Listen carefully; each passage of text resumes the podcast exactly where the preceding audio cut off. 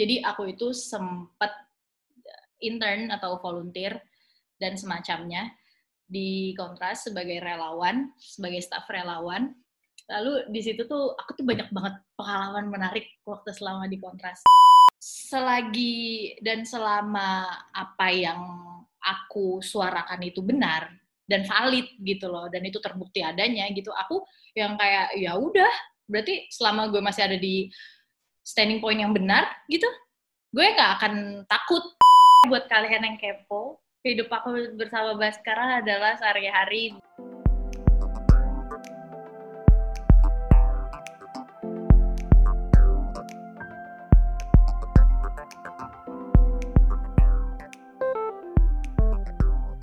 Bagi suara Halo teman-teman bagi suara, kembali lagi sama gue Siskita dan di sini gue ditemenin sama ini apa ya kita ngomongnya notorious sih sebenarnya ya sangat terkenal tapi for a very different reason gitu. Um, kita di sini sama Iyo, iya, oh iya ada Jerbat juga by the way. Halo Jerbat. Um, kita di sini sama May Diana. Siapa yang nggak tahu uh, anak cantik satu ini um, pacarnya Hindia atau Baskara Putra luar biasa. Um, Justin Bieber belum tahu aku sih tapi. Iya tapi benar sih benar-benar benar. Mungkin berarti belum seterkenal itu tapi nggak apa-apa. Mungkin tahun depan kalau Hindia lebih besar lagi Justin Bieber bisa tahu siapa itu Mediana. Jadi nah, nggak apa-apa. Uh -uh, kita keep our faith aja ya. Oke, okay, nah hari ini sebenarnya agak-agak random nih. Gue pengen ngobrol sama Mei. Um, mungkin tentang bas, mungkin enggak. kita lihat aja arahan pembicaraan ini ke mana. Tapi sebelumnya bagi orang-orang yang nggak tahu uh, apa namanya lo banget nih Mei, kalau lo harus menjelaskan lo tuh siapa sih gitu. Uh, as an individual tidak ada hubungannya dengan Hindia ya. Gimana tuh lo menceritakan diri lo? Aduh, sulit nih. Karena aku juga sedang dalam dalam fase mencari jati diri, kayak aku juga masih meraba-raba di umurku yang 21 tahun ini. yang kayak sebenarnya tuh gue mau ngapain sih? Sebenarnya kuliah gue tuh bener gak sih? Sebenarnya apa yang gue cari dalam hidup? Sebenarnya apa yang mau gue lakuin ke depannya? Jadi untuk mendefinisikan diriku sendiri juga kadang aku masih bingung aku itu apa dan ngapain dan maunya apa gitu itu agak susah. Mungkin kalau misalnya bisa memilih untuk ingin jadi pribadi yang seperti apa, aku pengen jadi pribadi yang bisa berguna kali ya. Ya, ini basi banget gak sih? Kalau gitu masuk bagi kata aja, ya gitu. langsung Dan kayak sponsor. Kalau ada satu mimpi gitu yang pengen aku reach, sebenarnya ada satu yang pengen banget aku gapai gitu di saat aku sukses nanti dan kayak di saat mungkin uang aku nggak berseri, aku pengen banget buka shelter hewan di Jakarta karena aku se seorang yang sangat amat mencintai hewan, terutama binatang peliharaan, tapi segala jenis hewan juga aku suka gitu. Kayak kalau misalnya aku bisa melihara reptil di rumah pun atau ular atau semacam yang aneh-aneh binatang eksotis juga aku mau banget. Jadi itu. Itu sih. Ya, mana-mana ya ngobrolnya. Nggak apa-apa sesama pecinta uh, binatang peliharaan uh, I relate gitu ya. I support that cause 100% um, Mate, ah, apa sih Bat lo mau ngomong apa ngejok tapi nggak jadi apa? Udah nggak usah, nggak usah. Sinyal lo jelek. Ini meng menghancurkan experience pendengar bagi suara. Udah, udah, oke? Okay? kalau udah sampai rumah baru boleh ngomong. Oke, okay, ini nggak ideal banget deh, jerbat deh kalau tapping ngasal. Oke, okay, anyway. Lanjut ya. Um, tadi lo bilang uh, apa namanya lo nggak tahu nih apakah you're actually taking the right steps in life, lo ngambil jurusan yang tepat, kuliah yang tepat. Tapi untuk teman-teman yang nggak tahu lo ngambil jurusan apa sih Mei sebenarnya? Jadi sekarang Dan apakah lo sudah lulus atau belum? Oke. Okay. Sekarang aku masih mahasiswa aktif di Universitas Pajajaran. Sekarang sedang menjalani semester 7. Terus major aku itu ilmu politik. Anak fisip aku. Fisip. Sama-sama uh, Hindia ya. Gitu. Sama kayak si Om. Uh, uh, relate lah ya sama beliau. Oke, okay. eh uh, tapi kenapa lo ngambil ilmu politik? Ini menarik maksudnya uh, apa namanya untuk teman-teman yang juga mungkin suka menggunakan bagi kata. Banyak juga yang suka nanya sih kayak jurusan-jurusan di FISIP gitu ya. Kalau lo sendiri awalnya kenapa lo tiba-tiba tertarik buat ngambil jurusan itu, Mei? Gue kayak lagi interview handler gue by the way, maaf ya. Bener juga sebenarnya ada dua jawaban nih, jawaban yang realita sama yang diplomatis. Cuman kita yang realitanya aja. Jadi sebenarnya back in the day waktu aku SMA, SMA aku tuh terkenal dengan sekolah yang akademisnya kurang. Jadi aku itu sekolah dulu di SMA 3 Jakarta. Mungkin kalau misalnya orang-orang yang tinggal di daerah Jakarta Selatan dan sekitarnya familiar dengan SMA itu bahwa SMA itu SMA aku itu dia tuh unggulnya di bidang non akademik kayak ekskulnya tuh bener-bener maju banget hidup banget. Jadi waktu pas aku SMA tuh aku nggak terlalu mikirin yang kayak oke habis ini gue mau kuliah di mana ya? Yang kayak aku lebih mikir yang non akademik kayak gitu loh karena dulu aku atlet cheerleader juga. Jadi kayak latihan latihan latihan belajar tetap cuman yang kayak beda lah sama sekolah-sekolah yang mungkin kayak mikirin banget gitu SNM PTN akan gimana SBM akan gimana. Nah aku tuh termasuk orang yang dulu lumayan males kali ya. Jadi kayak sampai akhirnya aku SBM PTN aku milih kuliah. Waktu itu tuh aku mikir yang kayak kira-kira ilmu sosial apa ya? Karena aku juga jurusan IPS aku mikir kira-kira jur, jurusan ilmu rumpun ilmu sosial apa mata kuliah apa atau jurusan apa yang kira-kira bakalan masih bisa gue pelajarin dan cocok sama gue gitu. Sampai akhirnya aku waktu itu konsultasi sama guru les aku. Terus yang kayak aku les dulu di BTA by the way. Ya kan? Les les les les intensif gitu untuk SBMPTN aku cuma belajar SBM waktu itu tiga minggu yang kayak oke okay, ternyata gue harus ujian ini gitu.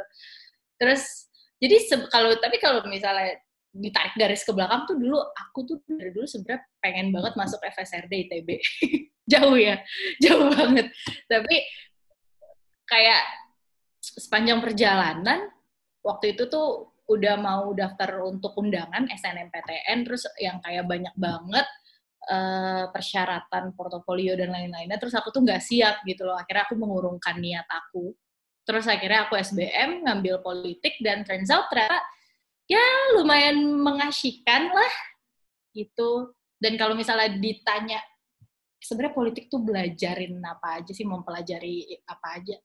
Banyak sih yang dipelajarin dari politik, kayak politik tuh ada banget gitu di kehidupan kita sehari-hari yang kayak lo meyakinkan orang tua lo untuk lo dibolehin keluar dari rumah atau kayak mau main warnet aja tuh itu udah berpolitik gitu loh. Karena simpelnya arti politik adalah siapa yang mendapatkan apa dan bagaimana gitu. Terus yang kayak ya so far oke okay lah kuliahku dan di jurusanku sendiri tuh yang kayak lu diajarin semua hal gitu lo diajarin juga kalau mau jadi koruptor yang bersih atau kotor yang kayak gitu. Yang kayak dari A sampai Z tuh ya lumayan dipelajari lah dari jurusan ilmu politik ini. Cukup kompleks cuman oke okay lah menyenangkan Oke, okay. tapi tadi lo bilang lo masih mencari lah kayak jati diri lo apa sebenarnya interest lo ada di mana. Apakah emang ada uh, apa namanya kemungkinan kalau lo tuh nggak bakal mengikuti uh, jalur kuliah lo nih nanti di karir atau gimana, Mei? Oke, okay. pertanyaan yang menarik. Jadi uh, kemungkinan sih ya untuk sekarang di saat ini di titik ini yang kayak aku tuh pernah ada di titik di mana gue muak nih sama kuliah gue karena aku pernah ada di titik aku sadar kalau misalnya ternyata gue nggak cocok di jurusan ini gitu loh. Gue nggak cocok di major ini merasa seperti itu terus yang kayak di situ waktu itu tuh aku mikir yang kayak oke okay, gue bakalan kotak palu kayak gue nggak akan kerja atau turun di lapangan yang berkaitan dengan hal politik-politik ini nih. Karena yang bikin aku capek sama ilmu politik juga karena politik di negara kita tuh ya you know lah kayak absurd banget gitu kan. Banyak sih sebenarnya bullshit bullshit yang kayak kalau gue mau membenarkan sistem gue harus masukin sistemnya ya kayak gitu. Cuman aku nggak merasa hati aku udah cukup besar gitu loh karena yang namanya godaan kalau misalnya udah masuk parlemen atau kayak staf pemerintahan gitu pasti banyak banget gitu dan itu nggak bisa dipungkiri gitu loh orang yang tadinya bersih banget yang kayak kita lihat nih misalnya beliau-beliau yang sekarang menduduki jabatan tinggi itu yang dulunya padahal mereka tuh adalah mahasiswa idealis yang ikut demo dan sebagainya. Yeah. Buktinya mereka aja yang kayak se dulunya sekokoh itu tuh sekarang bisa yeah. sejatuh itu gitu loh kayak jati diri dan idealismenya tuh turun dan hilang gitu aja dan kalau menurut aku di saat orang nanya kenapa lo nggak mau gunain apa ya istilahnya kayak gunain ilmu yang lo dapet atau gunain gelar lo sebagai suatu hal yang seharusnya gitu ya jawaban aku adalah hati gue belum cukup besar aja untuk ngelakuin itu gitu karena aku itu termasuk orang yang lumayan perfeksionis kayak di saat gue nggak yakin gue bisa gue nggak akan ngelakuin itu gitu. Iya, benar banget sih. Tapi tadi lo membawa poin yang menurut gue menarik dan penting banget gitu ya, bahwa mungkin orang-orang sekarang yang juga lagi menjabat gitu ya, hmm. mungkin dulunya mereka juga adalah mahasiswa-mahasiswa yang uh, bukan idealis aja sih mungkin, tapi lebih kayak memiliki ketu apa uh, ini yang kokoh gitu kan tadi, prinsip yang kokoh gitu kan. Uh, terus sekarang mereka ya somehow ketika masuk ke sistemnya kayak nggak ada pilihan kecuali mengikuti sistemnya seperti apa gitu kan. Jadi gue mengerti ketakutan lo adalah gimana kalau gue udah masuk ke situ, terus um, apa namanya ternyata uh, gue harus mengikuti sistemnya untuk bisa menjadi seseorang yang mengubah itu semua gitu. Oke, okay, ini adalah sebuah Gen Z issue menurut gue. kayak di mana lo memiliki pilihan dan privilege untuk menjadi seseorang yang um, sesuai apa yang lo inginkan gitu kan. And I think that's great. Menurut gue itu bagus banget dan suatu spirit yang uh, cukup hilang gitu ya di uh, saat-saat uh, seperti ini. Jadi oke, okay. um, Mei, tapi kemarin gue I mean like ya karena gue juga sering denger lah dari Baskara uh, lo kayak gimana gitu kan um, kayak gue tau lah bahwa lo tuh sebenarnya juga passionate about a lot of things. Tadi lo udah sempat menyentuh um, dari segi hewan ya kan, um, lo sangat passionate nih dengan uh, menjaga hewan-hewan di sekitar lo, baik baik peliharaan maupun reptilian ya kan, um, gitu. Tapi gue tahu juga bahwa ada isu-isu sosial yang uh, lo cukup um, peduli gitu ya dan sangat um, apa vokal mengenai hal-hal itu gitu. Uh, boleh nggak sharing-sharing sedikit um, dari perspektif lo sendiri nih Mei? Apa sih yang sekarang lo lagi ikutin dari isu-isu itu? Um, terus kemudian apakah lo ada ketakutan sebagai seseorang yang memiliki suara yang cukup besar? Gue bilang lo suaranya cukup besar karena lo di sisinya Hindia ya. Maaf ya, tapi begitu kan. Jadi ada presence lah gitu kan. Uh, apa namanya, sebagai seseorang yang memiliki suara cukup besar, lo worried gak sih kayak ketika lo menyuarakan semua ini, it becomes something yang, uh, apa ya, kayak ngebrand diri lo sendiri gitu. Oke. Okay. Hmm. Jadi, mulai dari mana ya?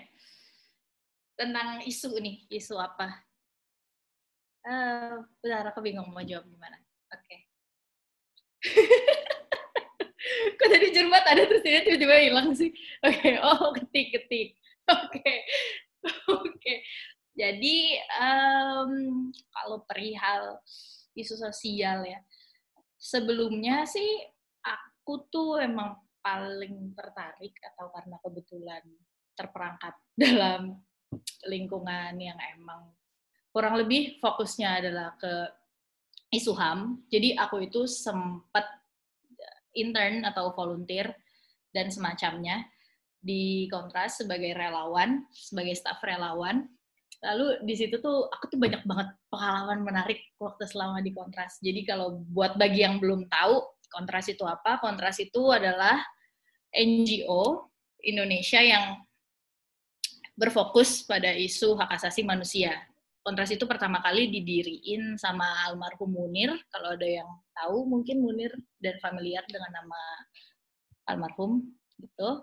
Jadi aku itu waktu gabung sama Kontras Januari kemarin dan waktu selama aku bersama mereka banyak banget kak yang namanya pengalaman yang aku dapetin tuh hal-hal yang dulu aku kira anjir bisa ya yang kayak dulu tuh aku kira yang kayak nggak mungkin terjadi tapi ternyata nyet kejadian gitu loh.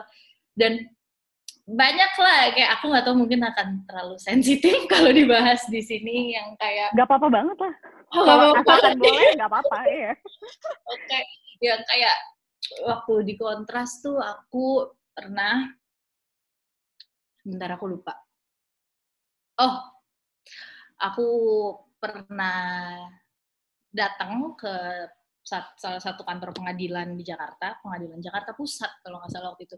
Itu hari pertama aku kerja di Kontras, aku udah di, dikirim ke kantor pengadilan gitu untuk ngedampingin salah satu lawyernya Kontras untuk ngedampingin kasus reformasi di korupsi kemarin. Jadi ada satu satu karyawan, satu pegawai perusahaan swasta di daerah Selipi atau Palmerah, lupa.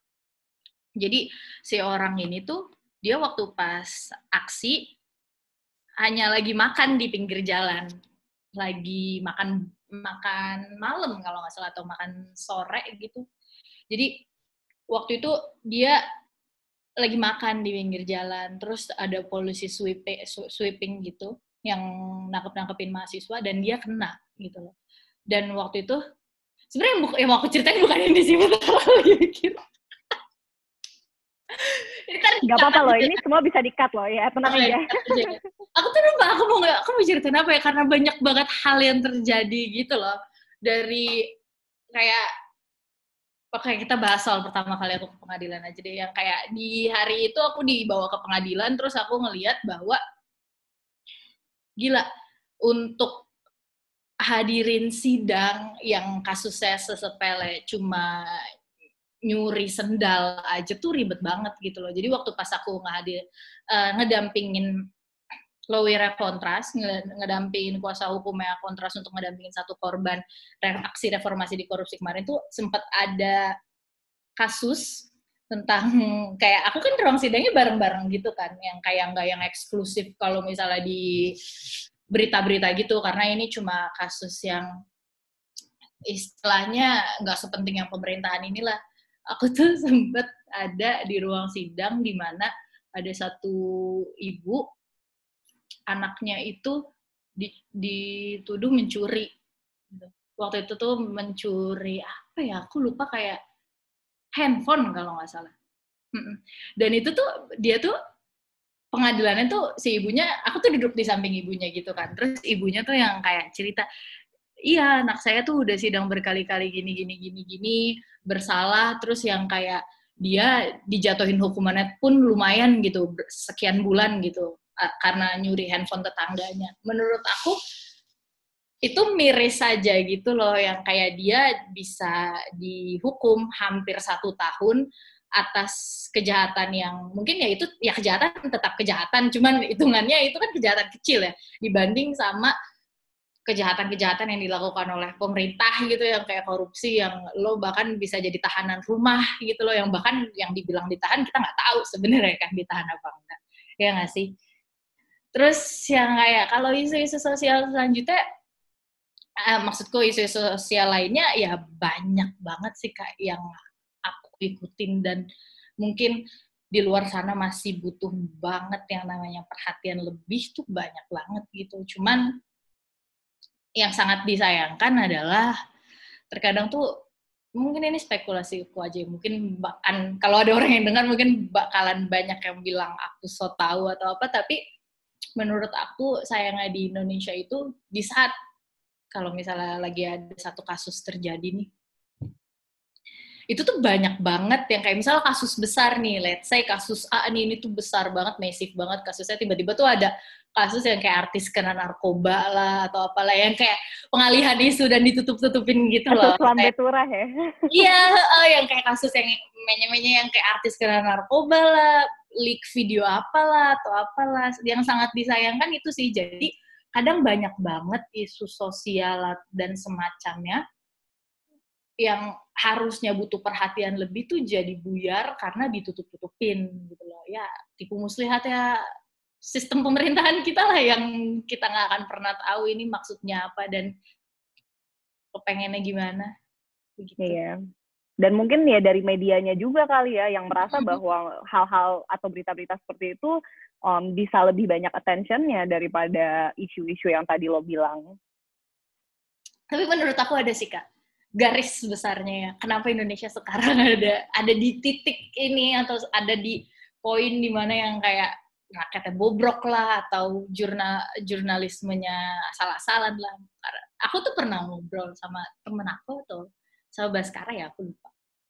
Aku sering sering kayak ngobrolin ini. Jadi menurut aku kenapa Indonesia sekarang ada di titik ini adalah karena dulu gen, dulu satu generasi intelek tuh dihabisin semua sama Soeharto, ya nggak sih? Zaman zaman Soeharto ngejabat, zaman zaman Soeharto ngejabat tuh dia tuh bener-bener yang kayak mahasiswa-mahasiswa yang aktif lah, atau orang-orang terdekatnya Soekarno, atau kayak cendekiawan-cendekiawannya Indonesia tuh yang kayak entah dideportasi lah, diculik lah, dibunuh lah, atau semacamnya gitu. Dan dia tuh benar-benar menurut aku ya, pada masa itu, dia tuh bukan hanya genosida satu kok satu kelompok masyarakat atau apa, tapi dia tuh menggenosid satu generasi menurut aku. Yeah. Bener-bener generasi yang topnya nih, yang kayak istilahnya orang-orang pintarnya yang ada di generasi itu tuh dia bisa habisin semua, yang mana sekarang bukannya aku mengecilkan generasi orang tua kita atau apa, tapi yang disisain tuh justru yang emang gak berani untuk bersuara lebih gitu loh. Iya. Atau Dan itu menjadi pelajaran juga bagi orang-orang itu untuk tidak bersuara lebih gitu Iya, kan? uh, itu juga. Dan dan yang dia tinggalkan adalah yang emang kayak orang-orang yang akses ke pendidikannya susah, yang kayak gitu loh. Jadi yang kayak sampai sekarang tuh kebawa sampai kita tumbuh dewasa, ya orang-orang tua kita juga jadi kayak apa ya istilahnya paranoid gitu loh untuk membela sebenarnya suatu hal yang benar gitu atau suatu hal yang kita sebenarnya anggap benar gitu. Atau membela atau kayak mengecam suatu yang salah tuh jadi sulit gitu loh karena trauma dengan dengan masa itu terus yang kayak menurutku ada Baskara lagi mau buka pintu. mau ngapain lo, Bas? Nggak usah masuk. Oh. Jangan masuk dulu, aku lagi curhat. Langsung dia ketok-ketok. Woi, curhat sama siapa lo? Iya, menurut aku, menurut aku kenapa yang kayak zaman dulu kan waktu yang dibilang antek PKI lah atau apalah itu kan hanya segerombolan orang yang yang mencintai seni lah atau yang kayak grup atau kelompok yang emang sastrawan gitu loh yang emang su yang emang suka baca dan yang emang pengen ngelihat dunia luar gitu loh. Dan orang-orang itu yang mencoba untuk menjadi orang yang visioner gitu kayak dia habisin aja gitu loh. Dan menurut aku di situ bobrok gitu. Yang kayak disisain maaf bukan mengecilkan tapi yang kayak yang bodoh-bodoh gitu loh yang emang gampang dimanipulasi seperti itu. Jadi kayak ya makin ke sini jadinya ya sulit. Ya nggak sih? Kayak butuh untuk ngebangun dari awal lagi yang mana kayak mungkin akan majunya di saat generasi kita atau seumuran kita aku dan kasih Smita sekarang ini yang ngejabat nanti ya nggak sih menurut aku ya. Akan perlahan-lahannya itu kalau yang tua-tua ini udah pada lengser. Iya, dan gue merasa itu juga adalah sebuah sentimen yang bisa terlihat jelas juga di dunia akademik sih. Maksudnya kayak nah. kita bisa ya kita bisa melihat bahwa apa namanya bukan kolot sih ya, tapi apa ya namanya ya? kayak something along that line gitu loh yang akhirnya membuat uh, dunia akademik Indonesia tuh kayak nggak berkembang gitu loh ketinggalan zaman sama yang lain-lain. Hmm. di mana critical thinkingnya itu kok revolve around itu itu aja. But anyway mungkin gue yang masih kurang referensi jurnalnya apa, but, ibu dosen. But dari yang gue terekspos tuh lebih kayak gitu. Dan karena itu tidak ada da- apa tidak ada keragaman juga orang-orang yang menulis dan memproduksi karya-karya akademik ini. Sehingga kita tuh nggak bisa melihat pemikiran-pemikiran yang lebih fresh nih yang kayak dari generasi lo atau dari generasi gue even gitu. Maksudnya yang kayak ya itu emang nggak nggak begitu banyak terlihat. Um, tapi gue melihat ada beberapa lah yang cukup prominent akhirnya makin ke sini. Tapi ya itu tadi masih suaranya kecil lah dibandingin sama orang lain yeah. uh, yang senior senior. Nah tadi pertanyaan kedua gue, uh, which is apakah lo dengan apa namanya sharing-sharing seperti ini tuh tidak ada ketakutan ya sebagai uh, seseorang yang memiliki presence tadi itu um, bahwa kayak lo akan dicap sedemikian rupa gitu oleh orang-orang. Karena menurut gue uh, it takes a lot of courage gitu ya untuk kita bisa ngomongin sesuatu uh, atau take a stand atau bisa me, apa namanya mempopulerkan sebuah isu gitu kan uh, dengan percaya diri gitu di apalagi di dunia digital kayak sekarang yang mana aduh nggak usah jauh-jauh isu sosial orang aja suka berantem gue mantannya Bas atau bukan? Ya kan? Nah, gimana kalau yang kayak lo nih yang benar-benar ya tadi itu ini emang dunia lo dan dunia lo dan passion lo adalah itu gitu. Lo takut gak sih Mei? kadang kadang takut sih kak. Ju, jujur bahkan waktu pas aku sempet di kontras tuh aku tuh sempet yang kayak ketar ketir gitu karena ya gimana ya anak-anak masih boingusan gitu loh masih kuliah terus kayak masuk NGO yang salah satu NGO terbesar di Indonesia gitu loh. Terus yang kayak ya pasti ada lah ketakutan-ketakutan seperti itu. Tapi ketakutannya yang spesifik ya yang kayak karena kan istilahnya kalau kita di NGO kita jadi musuhnya pemerintah gitu loh. Yang mana seharusnya kita bukan jadi musuh tapi saling mengayomi gitu kan. Nah tapi kalau misalnya perihal kayak takut dicap sotoy nggak sih sama orang atau yang kayak ah lo apa sih? Lo taunya apa sih? SJW SJW SJW SJW aku sih aku sih bodo amat ya karena selagi dan selama apa yang aku suarakan itu benar dan valid gitu loh dan itu terbukti adanya gitu aku yang kayak ya udah berarti selama gue masih ada di standing point yang benar gitu gue nggak akan takut gitu cuman ya balik lagi kadang kita tuh kalau misalnya mau nge-share soal informasi atau opini kita kita harus mikir berkali-kali sih apalagi di era sekarang ini di saat Bener banget. ini tuh lo ngomong A aja tuh ya bisa disalahin gitu loh yang kayak bahkan aku mau ngomong hari ini gue pakai baju putih ada aja orang tiba-tiba hmm. apaan orang gue nemu lo pakai baju pink yang kayak gitu lah kan yang pakai baju putih gitu loh dan sesimpel itu aja tuh bisa diputerin gitu loh sama yeah. orang. Jadi emang kadang mesti hati-hati beropini dan hati-hati di internet sih. Iya, benar banget, benar banget. Um, maksudnya beropini boleh dan sangat bagus, tapi tadi nah, itu ya kayak harus ada uh, backing yang kuat juga, kayak uh, lo mendapatkan fakta uh, atau apa pun yang lo share itu dari mana gitu kan. I agree. Itu yang kayaknya juga cukup kurang dari diskurs uh, perdebatan di um, cabang Twitter terutama ya. Betul banget, Bun. Oke. Anyway, aduh berat banget nih dari tadi omongannya gue agak balikin sedikit kali ya, yeah. enteng-enteng supaya ini... beneran beneran mau dirilis kasih aku dulu ya aku insecure. Oh iya tentu, tentu, tenang aja. Um, tenang aja, tapi you know everyone's entitled for their own opinion menurut gue kayak oh, yeah. apalagi coming from your background dan itu adalah pengalaman pribadi lo dan pembelajaran lo sendiri, uh, gue sih uh, sangat amazed dan tidak khawatir ya. Um, but anyway, tentunya nanti editnya akan kita kirim dulu.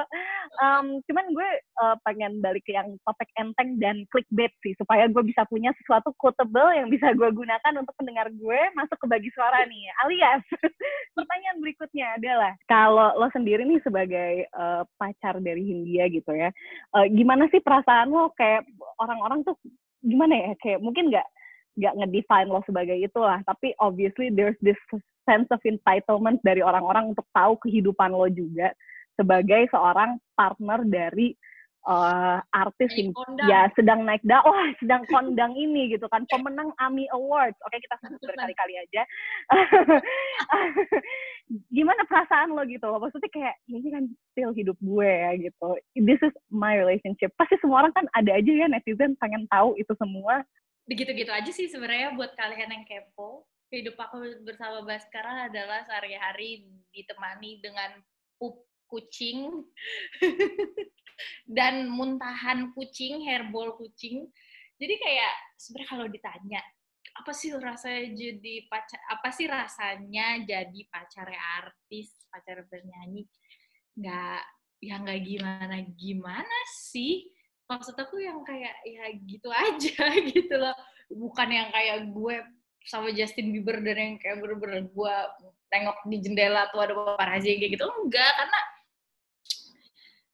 gimana ya secara kehidupan secara kehidupan apa sih? Kayak secara umum juga Baskara is just another human being gitu loh. Yang kayak ya udah manusia biasa terus aku berpacaran dengan dia berhubungan dengan dia menjadi pasangannya dia. Dan yang kayak paling yang membedakan dibanding pacaran dengan kayak dia orang biasa gitu. Dia juga orang biasa sih sebenarnya nggak nggak superhero juga kan dia. Mungkin yang membedakan adalah kalau misalnya kita jalan ke mall atau ke mana makan di luar tuh kadang ada aja yang ngeliatin sih atau ada yang diem-diem foto gitu. Itu kadang annoying sih. Yang yang membuat yang membuat beda kadang itu aja yang kayak aku kadang suka kalau aku lagi jalan sama temenku gitu ini off the record ya karena aku aja nggak pernah ngomong sekarang yang kayak bisa nih jadi clickbait nih yang kayak wah media mengungkap suatu hal. Yang tidak pernah dia makanya gue kayak off the record untuk teman-teman bagi suara kan gitu. Kayak kayak aku tuh bahkan gak pernah bilang ke Baskara secara langsung. Cuma yang kayak aku kalau lagi jalan sama teman-teman aku gitu aku suka bilang kayak gue kangen deh pacaran kayak orang normal gitu. Mungkin kayak kayak orang biasa yang kayak kita jalan ke mana nggak perlu diliatin sama orang atau nggak perlu tiba-tiba ada yang kayak nyamperin kak boleh minta foto nggak? Atau yang kayak dari kejauhan gitu yang kayak bisik-bisik itu Baskara bukan sih? Itu Baskara bukan sih? Yang kayak gitu yang kayak aku kan hidup eh ada suara kucing aku yang barusan. Aku kan aku kan hidup hidup di kehidupan yang amat sederhana ya. Yang kayak aku tuh dulu tuh sering banget mungkin sama mantan aku atau apa yang kayak jalan-jalan uh, jalan kaki misalnya let's say naik bus Transjakarta dari ke mana ke mana atau naik kereta atau yang kayak ya menikmati Jakarta lah seperti itu. Nah kalau sama Baskara tuh sulit untuk melakukan hal seperti itu gitu loh. Makanya aku muncul kalimat yang kayak gue gue kangen dia pacaran kayak orang normal gitu yang kayak mungkin sesimpel untuk aku mau pergi ke mana sama Baskara naik MRT aja tuh itu tuh udah yang kayak lumayan nggak nyaman gitu loh karena ngomong naik MRT gue juga salah satunya ya pernah ngegapin lo naik MRT udah kayak kayak ini apa namanya aku pernah waktu itu sama Baskara naik MRT jadi aku nemenin dia mau tapping kalau nggak salah di tracks di Sarinah aku dari Cika Thomas tuh ASEAN ya? Iya dari dari ASEAN. ASEAN. Ya, dari,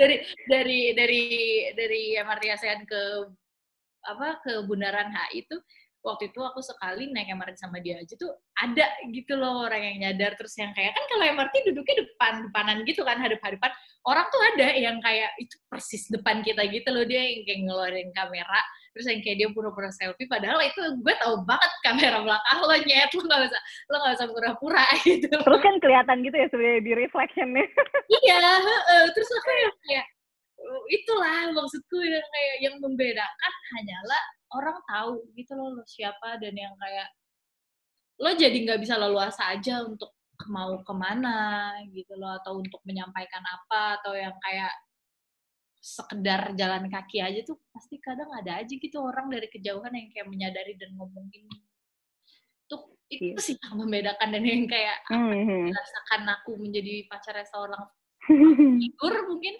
ya kayak gitu yang ya gue nggak bisa nggak bisa semau gue jalan gimana gitu loh jadinya kayak yeah, yeah, walaupun yeah. sekarang pun bukan artis yang kayak sebesar kayak apa ya let's say misalnya Afgan gitu loh iya benar bayangin kayak aku tuh mikir gitu loh aku sempat mikir sama dia yang kayak kamu kau bayangin gak sih jadi public figure segede Afgan gitu iya hmm. atau Nikola Saputra gitu ya iya yeah, iya yang kayak di level artis independen sebaskara aja tuh udah kadang ada aja orang yang rese Benar. dan berisih gitu loh. Iya. Apalagi mereka gitu loh yang kayak udah papan atas yang kayak Hmm, iya, pasti iya, iya.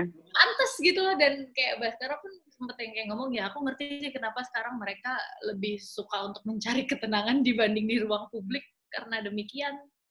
Iya, benar benar benar. Tapi lo sendiri eh, melihat itu sebagai breach of privacy yang cukup eh, besar atau kayak lo dan Bas masih bisa lah kayak navigate eh, through that eh, apa phase gitu. So far sih masih oke lah, nggak yang kayak gimana-gimana gitu loh. Cuman ya annoying aja, cuman tapi nggak yang kayak eh, merugikan kita atau gimana gitu sih, belum sampai di titik yang sampai meresahkan gitu.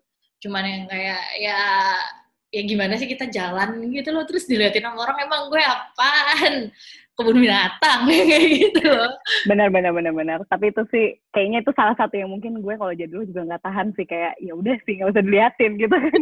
Atau kayak foto diam-diam kayak is that even my good angle kayak please gitu kayak.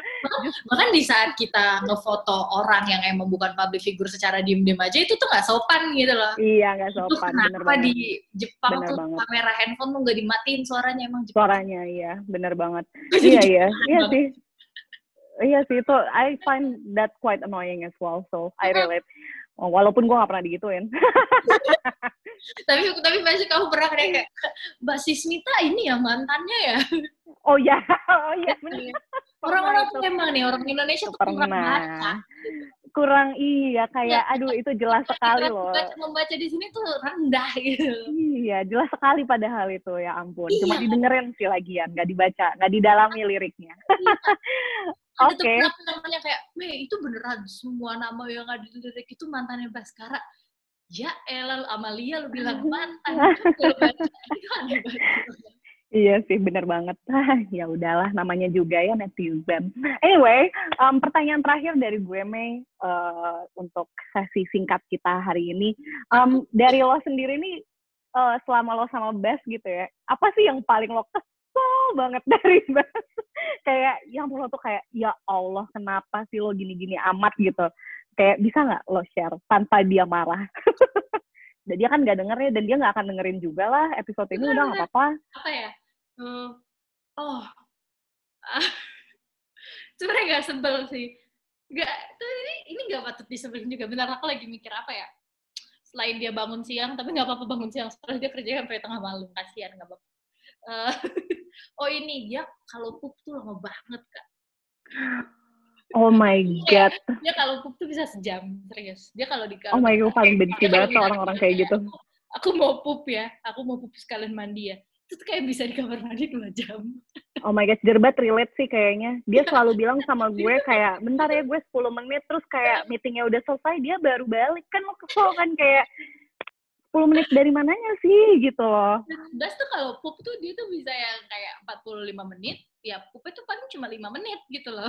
Tapi main handphone nonton gitu karena tapi itu juga bukan suatu hal yang aku sebelin sih karena emang aku kan sama dia kayak hampir 24 ya enggak lah ya 24 per 7 lah gitu bareng yang kayak ya mungkin emang satu-satunya waktu di mana gue bisa mencurahkan semua perasaan dan kesakitan di perut gue ini ya pas gue pup gitu loh jadi kayak ya udah 45 menit, 5 menit di toilet ya udah nggak apa-apa cuman kan kadang kalau misalnya kita mau ke toilet juga jadi kayak udah belum iya bener banget. Nah itu sih kayak, oh kalau sharing. Belum lagi kan nungguin dulu ya, gak mungkin dong gue langsung masuk. Iya. Pasti gue nungguin dulu. itu dia itu dia kan mesti Aduh, dihilangkan ini menunjukkan ya, Baskara tuh masih aromanya. manusia ya, ternyata ya. iya paling apa ya itu sih suatu hal yang lumayan bikin jengkel kadang nungguin dia di toilet. Kalau gue kalau gue suatu hal yang paling buat gue jengkel adalah suka. Dia susah banget dihubungin dan salah sambung. Kayak udah nih udah bales terus salah juga yang dibales. Kan udah yang itu. Gue minta jawab lo yang lain gitu ya jadi kayak tips gue sih kalau lo merasa kerja sama Bas itu um, kayak suatu goal gitu ya like don't kayak it's just so hard it's just like kayak dari kayak misalnya dari 100% gitu ya 80% adalah mencoba menghubungi dia dan 20% adalah actual work-nya gitu. Iya, banget iya, kayak iya. oh my god.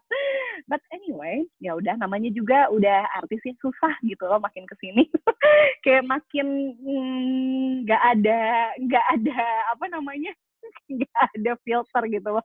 Kapan dia harus ya udah lagi Apalagi but sekarang anyway. peran dia kan nambah lagi. Satu. Dia sekarang udah menjadi bapak tiga anak dari tiga Bener anak. banget. And congratulations. Um, I'm a cat person myself, and we have three right now. Lagi pada makan. Tapi kayak ya, gue relate sih sebagai Iya. um, ibu dari uh, tiga dua setengah kucing karena setengahnya gue sharing sama Emon. Tuh dulu gini, kayak eh, dog person banget. Dia nggak pernah punya kucing. Bener banget. Nah, itu dia. Gue juga kayak, gue super shock. Dan gue kayak, ini pasti karena Mei. Tapi gue super shock pas kayak, wah, kucing semua nih tiba-tiba. Sangar-sangar peliharanya kucing nih. aku orangnya kucing banget ya karena emang dari kecil ya aku kan muslim ya jadi nggak boleh gitu loh apalagi keluarga aku kan Benar, konservatif. benar. kalau punya anjing nggak mungkin boleh jadi aku tuh kucing banget gitu nah waktu pas aku pas sekarang move in gitu akhirnya aku kayak "Ya udah ini saatnya kita ambil kucing gitu deh sekarang anak aku tiga gembul-gembul Iya, bagus lah. Gue yang gembul dua. Gitu. Iya yang sih, aku gembul juga dua. aku masih dua yang satu dalam proses penggembulan Dalam proses penggembulan, iya benar banget. Oke, sip. Thank you banget, Mei, atas waktu lo hari ini. It's very Apa nice to talk to you and catch up. Eh, nggak apa-apa, tenang aja. It's very nice to catch up with you. Uh, semoga bisa ketemu lagi uh, dalam dunia nyata ya. Jangan via layar lagi bersama lo dan Bas. Oke? Oke. Thank kasih, you. Nah, salam buat kucing di rumah Oh yes, oke. Aku tutup dulu terus udah gitu kita lihat kucingnya. gitu. Oke udah, dadah teman-teman bagi suara. bye